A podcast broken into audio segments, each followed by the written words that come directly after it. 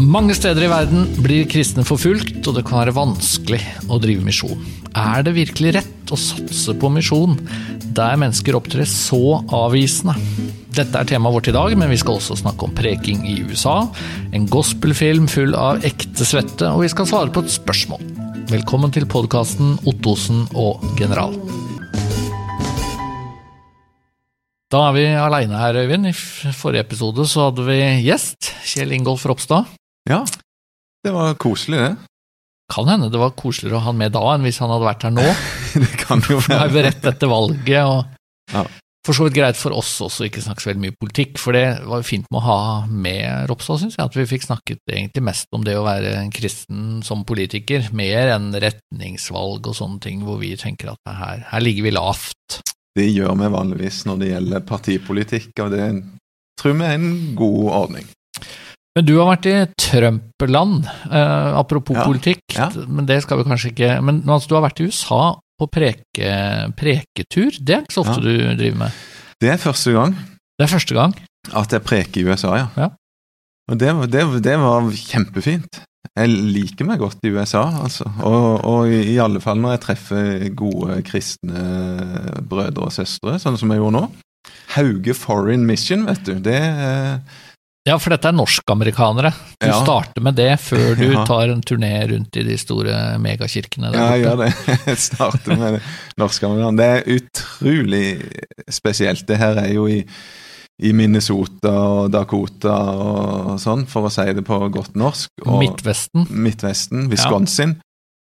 Og der folk er ekstremt opptatt av sine norske roots, og gjerne vil snakke mye om det. Men det er i tillegg veldig opptatt av misjon. Og jeg vet ikke om du er klar over Jo, jeg tror du er klar over hvordan Hauge Foreign Mission faktisk starta. Men det kan være lyttere seere som ikke helt har snøring, så du skal få lov å forklare det. Takk. Eh, det hadde seg faktisk sånn at Gabriel Eikeli han skulle til Japan. Hadde fått kall, altså NLM, og han personlig hadde fått kall til å reise til Japan. Eh, og han var i USA eh, da og, og hadde kontakt med, med Haugevennene, som de heter Mm. der. En sånn indremisjonsbevegelse i USA. Eh, For å komme til USA så måtte han ha to ting. Han måtte ha en eiendom, og han måtte ha et hus å bo i for å få tillatelse til å reise inn der like etter Eller relativt ikke så lenge etter andre verdenskrig. Ja. Mm. Eh, og han hadde ikke penger, og det sørga Haugevennene for at han fikk. Sånn at han kjøpte seg en eiendom på den aller billigste plassen i KB, som nå er den aller dyreste plassen i KB. Veldig interessant. Vi eier jo fortsatt Så, så vi eier faktisk noe i Japan som eh, disse amerikanerne kjøpte, Yes. egentlig betalte for. Og i tillegg til det så skippa de over ei campingvogn. Ja. Og den er jo blitt litt berømt da i NLMs eh, misjonshistorie. Den, den ble sendt fra USA og Haugevennene og ble plassert på denne eh, tomta, og det var der Gabriel Eikeli og familien bodde i begynnelsen i Japan. Og det ble startskuddet for Hauge Foreign Mission. Og fortsatt så er det da sånn at NLM får eh, hvert eneste år penger fra disse amerikanske misjonsvennene til Ja. vårt misjonsarbeid. Og i tillegg så har vi en utsending, David Olsen, som Ja. er faktisk stedlig representant i eh, Mongolia for oss. Og han har de veldig mye omsorg for å følge nøye med. Så, så jeg var der på Labor Day weekend og hadde tre taler om misjon, og, og syntes det var kjempefint og det- ble godt mottatt på alle måter. Var det mye folk? 150 deltakere Ja. var det. Det er jo en flott gjeng å møte, men snakker de norsk, eller er de bare opptatt av Norge? De snakker, alle sier jo uff da. Det kan Det, Ja, Det er veldig rart. Ja, Ja. det er veldig rart. Jeg visste ikke om det, men på mange T-skjorter sånn som de selger på sånne Minnesota-butikker i USA, så står det 'uff da'. Ja. Og det bruker de. Ellers er det noen få som kan en del fraser, og så var det ei som hadde gått et år på Rødde folkehøgskole og snakka veldig bra norsk. Ja. Så det er jo Men vi kan jo fortsette i USA, for jeg tenkte at eh, jeg må jo også fortelle noe spennende jeg har gjort. Ikke så spennende, men jeg har vært på kino og Ja. sett gospelfilmen uh, Amazing Grace. Og det har jo du også gjort, da, så Ja, du også faktisk. kan jo være med i samtalen her om det. Men, men det var jo en fascinerende film. Jeg syns jo historien bak den er så interessant. Altså, i 1972 så skulle altså Rita Franklin, 29 år gammel, hun skulle altså holde en liveinnspilling, lage gospelplate, Mm. i en kirke. Og der stiller altså Sidney Pollock, som da var ganske kjent sånn um, Regissør. regissør. Han har masse kameraer og masse folk på plass, og så klarer han å kløne det til på et eller annet vis med noe lyd og synkronisering. Dette er 1972, så de får ikke eh, lyden til å passe med bildene, og de får ikke lagd noe film. Så de filmrullene har da ligget i flere tiår, og så eh, kommer ny teknologi, og så kan de lage film av det. Og når de gjør det, så viser det seg at hun nekter, eh, av en eller annen grunn. Det visste jeg ikke. Nei. Nei. Men det skjedde, da. Så filmen kom på en måte noen få måneder etter at hun var død. Hun døde i fjor, Ja, og da tok de kontakt med familien og fikk til en avtale og fikk ut en film. Det, var jo, det er jo en Det er jo ikke mye som skjer på den filmen. da. Som sagt så så han jo òg, og det var jo Det er jo hun, hun synger, og det er et kor bak, og en pianist og en dirigent og et publikum, og det er det. Er dette en argumentasjon for terningkast to? Kjempekjedelig. Nei, nei, for selv om egentlig konseptet er ganske kjedelig, så syns jeg det var en fascinerende film å se. Og, og øh, de synger jo med innlevelse. Ja, det syns jo jeg er helt eh, Altså, det er jo det mest fascinerende. Det er en sånn enorm innlevelse, entusiasme, glede, og og svetten siler jo. Ja. Det er også fascinerende, fordi kameraene går jo tett på. Ja. Og både hun, Rita Franklin, og alle andre involverte, det, det er tydeligvis varmt i Los Angeles i Så denne dagen. Så Far til hun Aretha Franklin er jo borte og tørker svetten av ansiktet hennes. Så det er rørende. Men det jeg, det jeg har tenkt mest på etterpå, um, det er jo at Aretha Franklin hun var jo da en kjent popstjerne når dette skjedde. Mm. Og hun eh, Mange trodde nok at hun hadde forlatt eh, kirke og tro, Mm. og fordi hun utga plater på sekulære mm, musikkselskaper, og, og sang jo ikke kristne sanger. Mm. Og så kommer denne plata. Ja. Og så blir hun jo kalt i filmen hele tiden Miss Aretha Franklin. Og så er hun 29 år, og så er det lett å tenke at ok, var hun kanskje da ugift? Mm. og barnløs. Og, og så googler jeg litt og leser litt og prøver å sette meg inn i det, og så finner jeg ut at hun var firebarnsmor. Mm. Hun hadde barn med tre menn. Hun var eh, forholdsvis nyskilt, Mm. eh, og hadde jo egentlig hatt et ganske kaotisk privatliv. Så hvis folk tenkte at eh, det er ikke så Altså, det er ikke så rart hvis folk tenkte at hun ikke lenger var veldig tett knytta til kristent arbeid med den type bagasje. Nei. Og kanskje var det derfor, det har jeg også lurt på, at det ga så, eller gjorde så inntrykk på folk. For det gjorde det virkelig når hun Mm. synger Amazing Grace, Ja. altså den fantastiske nåden.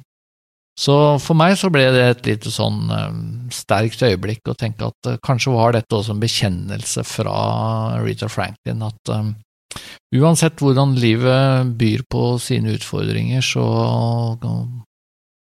hva skal jeg si, omfavner jeg nåden. Mm. Ja, det Det var en fin film, og med et sterkt budskap. Det var det. Nå regner jeg med at vi skal bare hoppe over fotball. Eh, Det går dårlig med Manchester United, og da vil jo ikke du snakke om dette. Ja, men, men Resultatene har jo ikke vært helt topp i Nei, det siste. Jeg har jo lyst til, egentlig lyst til å snakke om det for sist. eh, Nå er det blitt en del dager siden, da, men jeg heier jo litt på Newcastle. Litt, ja. Litt. Altså, ja, jeg får jo mye kritikk, blant annet fra, deg, Ja. fra deg, fordi jeg heier jo på Newcastle. Jeg har en sønn som heier på Newcastle, og han har jo hatt mye, mange tunge stunder opp gjennom livet Ja. som Newcastle-fan. Men det var altså her en helg at de vant, og Og United United tapte. Så da tenkte jeg nå kan vi ta en skikkelig fotballprat. Nei, men det, Ja, det hadde sikkert vært fint, det. Men det som er greia med United nå, det er at de sparker ut eh, relativt gamle og svært overbetalte spillere. Og betaler masse av lønna deres likevel. Ja, det gjør det jo, må det jo, da. Men, men satse på de unge. Ja. Så, så, så min tro på United er sterkere enn noensinne, og det blir utrolig bra når Solskjær kan få litt gang på det her. Vi konstaterer at du eh, er sterk i troen, Ja. også på, på dette området. Og så tror jeg vi sier at nå må vi til misjonsstrategi. Er det fornuftig å drive misjon der hvor misjonærer nærmest blir kjeppjaget?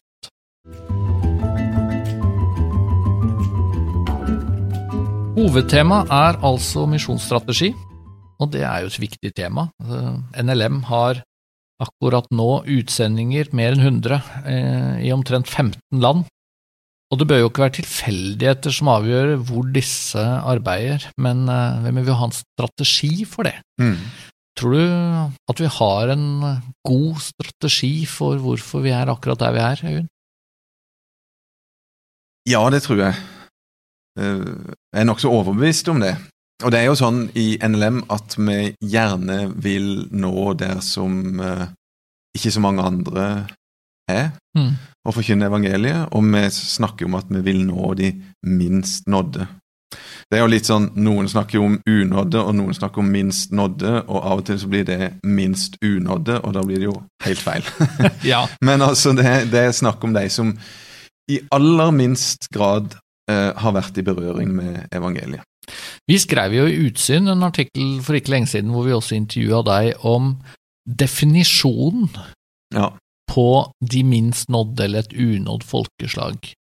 Um, og da oppdaget jo jeg gjennom å lese den og være med i arbeidet knytta til den artikkelen, at det er, det er ikke lett å definere disse folkeslagene sånn helt presist. Det er ulike måter å gjøre det på. Mm. Ja, det er, jo, det er jo sånn For det første så er det jo ikke så lett å definere et folkeslag. Nei. Og det er jo en sånn etnolingvistisk metode da, som ofte blir brukt uh, av Misjonsselskapet. som For da handler det om språk og Ja. kultur og en, en del sånne ulike ting, men, men akkurat hvor mange folkeslag det er i verden, er det rett og slett også noe uenighet om. Det er det. 15 000 er vel et eh, sånn omtrent, det er et ganske vanlig tall, har jeg skjønt. Mange som snakker om det. Ja. Og av de så er det noen som har mindre enn 2% kristne, og det blir ofte brukt som definisjon på unådd eller minst nådd folkegruppe. Og, og, og det er klart at det er jo egentlig ja umulig å, å helt eh, regne ut. Men det gir mening, tenker jeg, for det er så viktig at, vi, at det er noen som faktisk er villig til å bruke ressurser der som evangeliet er helt ukjent. Og i dag så er det jo 3% av de totale ressursene i verdenskirken Mm. som blir brukt i sånne områder, på sånne folkegrupper. Ja, for det er jo noe av det jeg syns selv er kjempeinteressant med f.eks. å besøke Kenya. Mm. Der har du vært mye, jeg har ikke vært der så mye, men jeg husker for mange år siden at jeg kjørte gjennom et veikryss, og så ba jeg eh, bilen om å stoppe for å ta et bilde. For det, jeg tror jeg aldri har sett et veikryss med flere skilt til kirker, menigheter, kristne, eh, skoler og institusjoner, og så tenkte jeg at eh, her, altså det er ikke her du sender misjonærer først, for her, her er det jo rett og slett et gjennomkristnet område. Mm. Og, og, og det, er, det er jo situasjonen i mange land som vi har jobba lenge. Ja. Etiopia, Mekaniesuskirka, ti millioner kanskje eh, medlemmer. Og bare siden du ble generalsekretær, så har det tallet økt med fire millioner eller et eller annet sånt. Det er en enorm vekst. Ja. Helt enorm eh, vekst. Og, og det igjen byr jo på sine utfordringer. Så det er jo ikke det vi sier når vi sier at vi ønsker å jobbe blant de minst nådde, det er jo ikke at det ikke er jobb å gjøre andre steder Nei. for sånne som oss heller. Det blir jo du, du, du kan jo aldri nå et punkt der du sier at ja, nå er alt på stell her. Det er det jo faktisk talt ikke i Norge heller, hvis vi skal være helt ærlige. Ja. Så, så, så det vil jo alltid være en diskusjon sånn sett da, om når er tida inne for å dra videre. Men det som er viktig for oss, det er ikke at vi, at vi har en helt korrekt måte å regne på. Og, og, og vi ønsker jo ikke å bli for tekniske heller. Og det er heller ikke at nå er alt på stell der vi har vært i 40 år. Men det er det at vi, at vi ønsker å ha den driven da, og den retninga på arbeidet. Og det er vanskelig å avslutte misjonsarbeid, og derfor er det. Så jeg har jo med et siste utsyn, eller et av de siste. Eh, farvel til Tanzania, riktignok med spørsmålstegn, da. Men altså for første gang siden 1950 har ikke NLM langtidsmisjonær i Tanzania. Vi har hatt folk der i 69 år, og nå har vi fortsatt et visst samarbeid, og vi kan ha korttidspersonell og sånn, men, men nå, nå forlater vi på en måte det langtidsarbeidet der. Mm. Og da er vel begrunnelsen da at nå klarer kirken seg selv i mye større grad. Ja, det er jo det. At, at de plassene vi jobber i Tanzania, der er det veldig mange kristne. Det er ei sterk, vital kirke, som er jo en formulering vi, vi bruker i strategidokumentet vårt. Den er større enn eh, kirken i Norge. Absolutt. Den er jo på 7,5 millioner medlemmer. Så, så de, de lutherske kirkene, altså Mekaniesukirka i Etiopia og den i Tanzania, er jo verdens største lutherske kirke nå. Ja. Så, så, så det er Jeg vil jo si at det er et sunnhetstegn da, og, et tegn på at vi har lykkes når vi faktisk kan dra videre. At det kan være vanskelig av mange grunner for misjonsvenner i Norge, og ikke minst for misjonærer som har vært ute og, og blitt glad i et område og, og kjenner virkelig Ja. på at her er vi vevd sammen, og, og vi kan ikke dra videre. Men da er det jo viktig å tenke på at det, det er et tegn på at vi har lykkes, og, og det er jo ikke sånn at nå faser vi ut, og nå er det slutt. Vi ønsker å bevare en sterk og god relasjon, og vi ønsker å fortsette å ha samarbeid, og kanskje, eh, ikke minst med, med Etiopia og Tanzania, at de kan sende folk til oss og være med og bidra til Mm. å utvikle arbeidet vårt. Og jeg tenker jo også at, um, at det at vi ikke lenger har langtidsmisjonærer i Tanzania, betyr jo ikke at vi sier at de som eh, er der eh, Det er jo faktisk sånn at det er danske misjonærer der fra en, vår søsterorganisasjon fremover. Vi sier jo ikke at de ikke kan ha meningsfulle oppgaver, eller at de ikke kan gjøre ikke. noe kjempeviktig. Men, men det er noe med å ta et sånt strategisk valg da, på hvor skal vi satse aller mest, og hva skal vi prioritere aller høyest, og da er det de unådde områdene, hvis man kan si det sånn. Absolutt. Det, det, det er der vi vil være.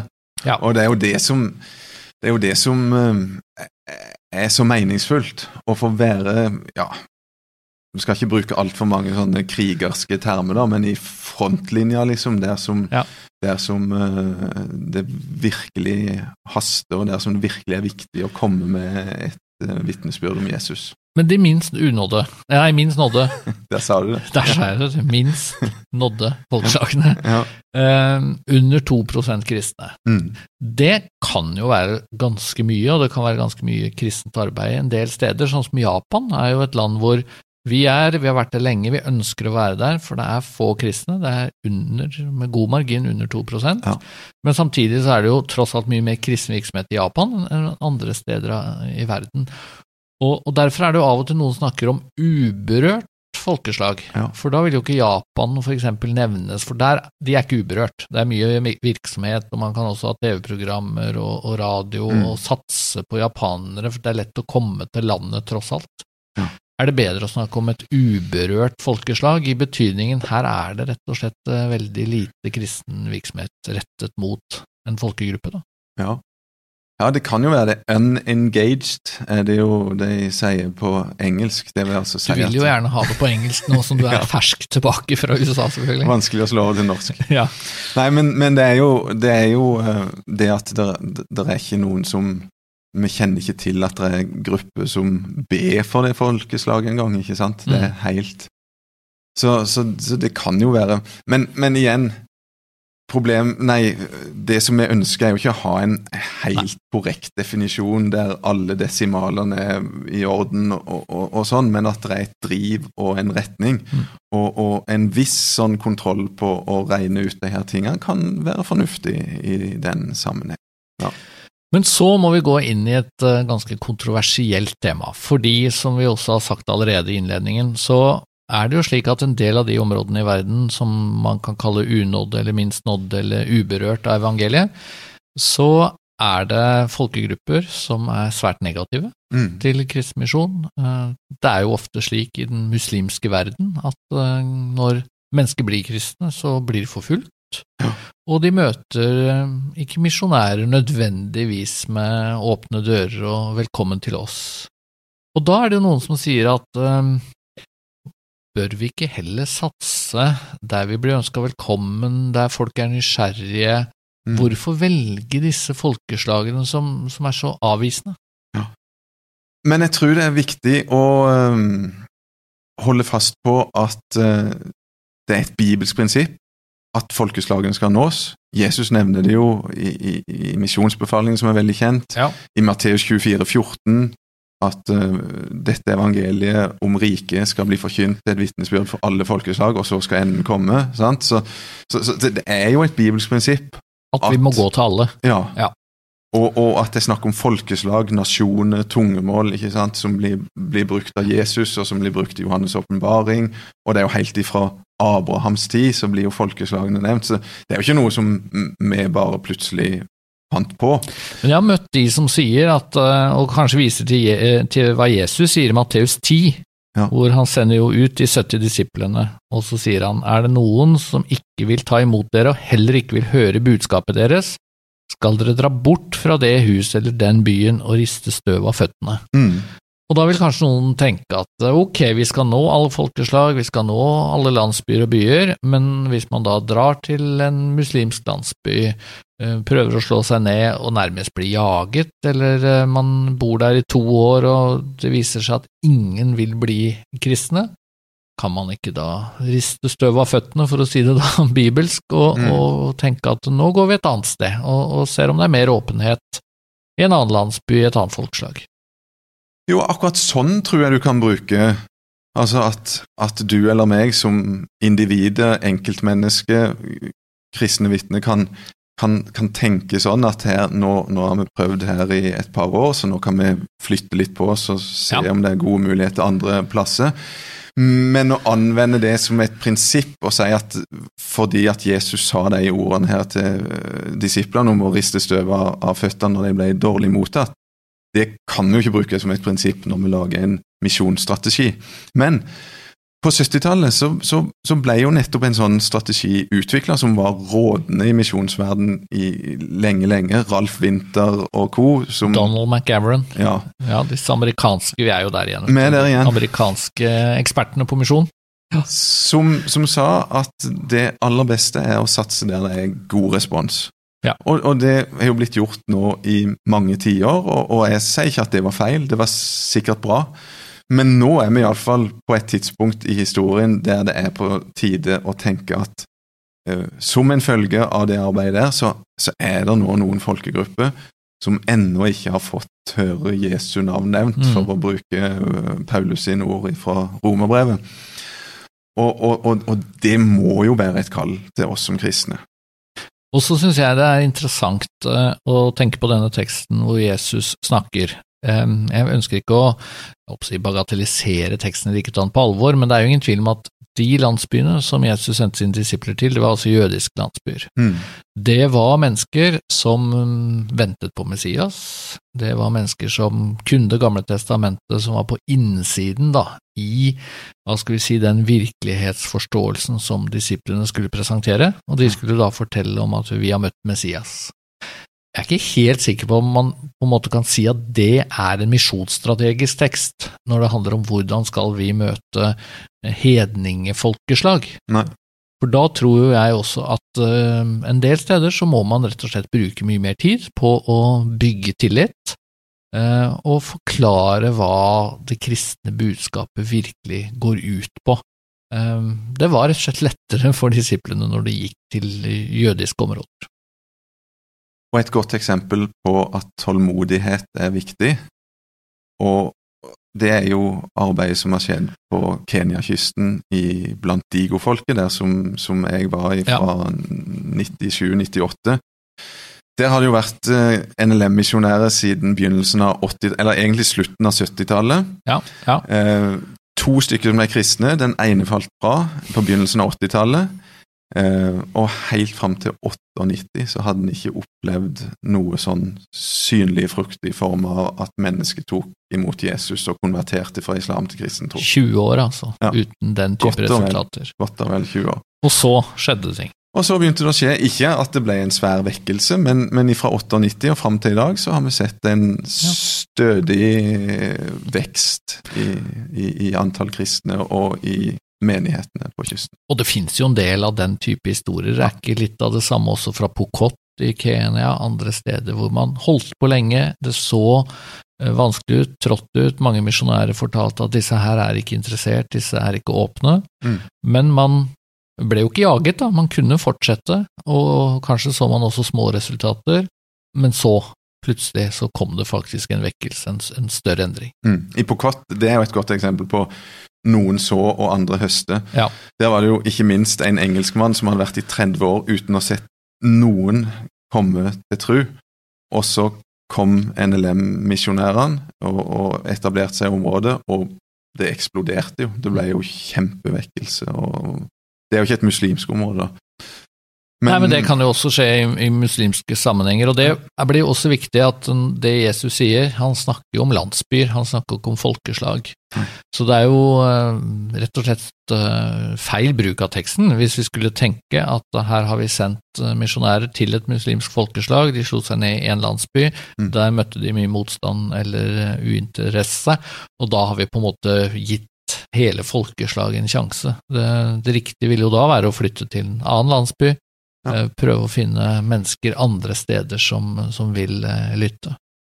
Og jeg tror jo det at, at utholdenhet og tålmodighet er viktig, og, og, og det sier jo Peter i, i, i første Peters brev 3.9, er det ikke det? Ja, Nå ble jeg litt usikker på akkurat det, men 2.9.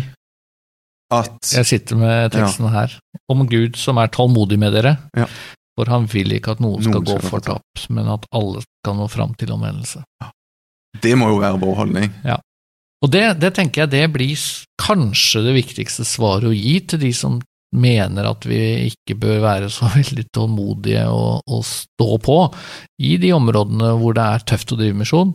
Det er jo at ja, men Gud, han er jo tålmodig. Han gir jo folk eh, mulighet på eh, mulighet. Eh, Paulus eh, ble jo kalt av Gud over eh, lengre tid Mm. eh, før han eh, vendte om, og snakker jo også om seg selv som den største synder. Mm. Eh, I apostelens gjerninger så står det at noen av de første kristne ble jaget fra et sted, og det står at de ristet støv av føttene. Men de fortsatte jo Ja. med misjon andre steder, og fortsatt rettet mot jøder som, som da hadde avvist dem et annet sted. Jesus forteller jo tre lignelser i Lukas 15 som jeg syns er veldig meningsfulle og, og, og sterke i den sammenhengen her. 100 sauer, mister én, forlater 99 og setter alt inn på å berge den ene. Kvinne, ti sølvmynter, mister den ene, endevender hele huset helt til hun finner den mynten som er mista, og det er jubel og fest når den ene blir funnet. og og sønnen som kom tilbake igjen, og, og, og, og, far som antageligvis har stått og speida etter han hver dag, Mm, mm. og venta på og lengta etter han skulle komme tilbake. Det synes jeg er et veldig sterkt uttrykk for hvem Gud er, og at han eh, er tålmodig, og at han lengter etter å ha fellesskap med, med alle mennesker. Så det, jeg tror det er rimelig god bibelsk dekning for å ha en sånn strategi som vi har. Det betyr jo ikke nødvendigvis at alle de konkrete vurderingene vi gjør, enten det gjelder Tanzania eller andre plasser, er 100% vanntette og korrekte til enhver tid. Vi må iallfall tåle diskusjon, og, og at en, en, i, i en levende organisasjon der vi ønsker å ha Mm. det drivet, så må vi jo så må vi jo virkelig være glad for at det er en levende debatt og diskusjon om hvordan vi skal anvende de her bibelske prinsippene.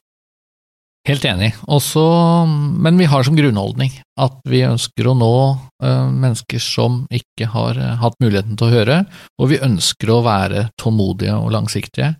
Og jeg tror jeg har lyst til å avslutte med et lite bibelvers fra Det gamle testamentet som jeg har Mhm. tenkt på i denne forbindelse, for det er ganske mange tekster som er relevante, tenker jeg. Salme 50, og det første verset der så står det Den allmektige Gud, Herren, taler og kaller på jorden fra solens oppgang til dens nedgang. Altså, Gud kaller dag og natt. Det er et eller annet i den teksten og ganske mange andre som, som sier noe om hvor, hvor eh, tålmodig Gud er, og, og det bør jo vi også være. Helt klart. Da tror jeg vi skal avslutte det temaet. Det ble en god samtale om misjonsstrategi og de minst nådde, altså. Det, det var jo Ja. på tide at vi Ja, tok en runde på det. Men vi, vi er jo åpne for å få spørsmål, Ja, og det er bare å gi beskjed. eh, Sende inn til oss. Eh, Det går an å finne en mailadresse, det går an å sende på Messenger, det går an å gjøre det på Facebook-veggen vår. Og nå mange måter. har vi da et spørsmål som har ligget i noen uker, men vi, vi tenkte vi skulle ta det nå. Ja, og det skal du få faktisk lov til å svare på, iallfall sånn eh, primærsvarer. og spørsmålet lyder altså slik Er alt av opplevelser knyttet til tro bare psykologisk og suggesjon?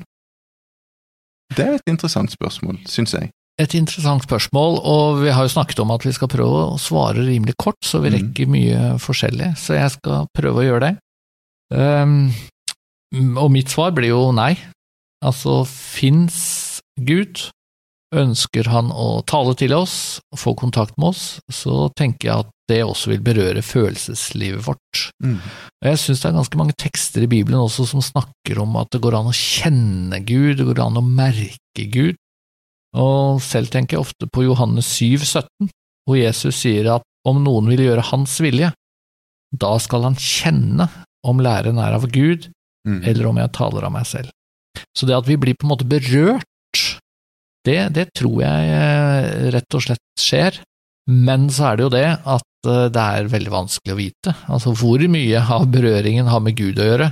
Mm. Apropos Rita Franklin-filmen også, hva, hva er bare følelser? Og hva er at Gud tar tak i, i, i mennesker? Mm. Og det er jo også kanskje grunnen til at i våre sammenhenger har opp, at vi har vært opptatt av å si at du må ikke bygge på følelser. Mm. Du kan være en god kristen uh, som tror på Jesus, selv om du ikke nødvendigvis opplever og føler veldig mye. Men altså Følelse og det å, å kjenne noe, det, det er en del av eh, en det, det, er ikke snakk om suggesjon eller psykologi, sånn, men, men Gud faktisk kan berøre mennesket. Det er det du sier? Jeg tror det. Ja. Jeg syns det er mange tekster i Bibelen som, som presenterer det på en sånn måte at vi har med Gud å gjøre, men også når vi kjenner eh, noe. Før i tida så snakka han jo ofte om erfaringsteologi kontra den objektive Mm. forsoningslæren og de tinga der, ikke sant? Ja, og jeg tror eh, man skal ikke se bort ifra erfaringer og følelser, eh, selv om man kanskje heller ikke bør bygge en teologi på det. Mm. Nå skal vi avslutte med to høydepunkt. ja. Vi begynte med det sist, Øyvind, at vi tok Ja. noen høydepunkt fra sommeren, Ja. og jeg tror vi skal fortsette med, med høydepunkt, så du må dele et høydepunkt siden sist. Ja. Du tar et som ikke er politisk korrekt nå, kan jeg se. Ja, det er jo det er ganske politisk ukorrekt, tror jeg, men, men la gå. Nei, jeg, når jeg var i USA, som vi så vidt var inne på her innledningsvis, og, og etter Labor Day-campen med Hauge-vennene, så tok kona mi og meg en tur i bil. Og det å sette seg i en ordentlig amerikansk eh, sekssylindra bil og cruise av gårde på interstaten i USA, det, det må jeg bare innrømme at det syns jeg er ganske kult og ganske flott opplevelse. Bilskam. Ganske lite. Ja jeg, jeg bruker jo nesten ikke bil til vanlig, vet du. Nei, stemmer, Det- du går til jobb. Og sykle. Ja. Sånn at jeg Så har litt vært, å gå på det. Ja, du har det. Så Ja. hvis dette er hvert tiende år, at du tar Ja. noen dager med en litt fet amerikansk bil, så, Yes. så blir totalregnskapet greit. Så er det jo litt rart å kalle det for det store høydepunktet, det som jeg ikke klarer å slutte å tenke på siden sist, men, men, men, men det er jo sånn for en kar fra Indre Agder at det med bil og sånn eh, sitter litt i, da. Vi var jo inne på det med Kjell Ingolf Ja, ja, ja. og eh, Ropstad her så ja. Men du, da? Jeg også har jo et eh, høydepunkt som ikke nødvendigvis alle ville betraktet som et høydepunkt, men jeg holdt altså et foredrag for ikke lenge siden om radikal kjønnsideologi. Og det har jeg ment og sagt og tenkt en del på, dette med den nye måten å tenke om kjønn. Eh, og I møte med transpersoner og den slags, er kjønn egentlig bare en følelse, og kan jeg skifte, skifte kjønn fordi jeg føler meg mer som en kvinne, osv., osv. Ja. Og det skal jeg holde da i en studentforening på universitetet, er og så fikk jeg beskjed dagen før at det skulle være en demonstrasjon mot meg og mitt foredrag. Mhm. Og når jeg kom, så sto det altså en gjeng, kanskje en 30-40 personer med plakater mm. av typen nei til transfobi og ja til kjønnsmangfold og den slags, på vei inn da, til det auditoriet hvor jeg skulle holde foredrag.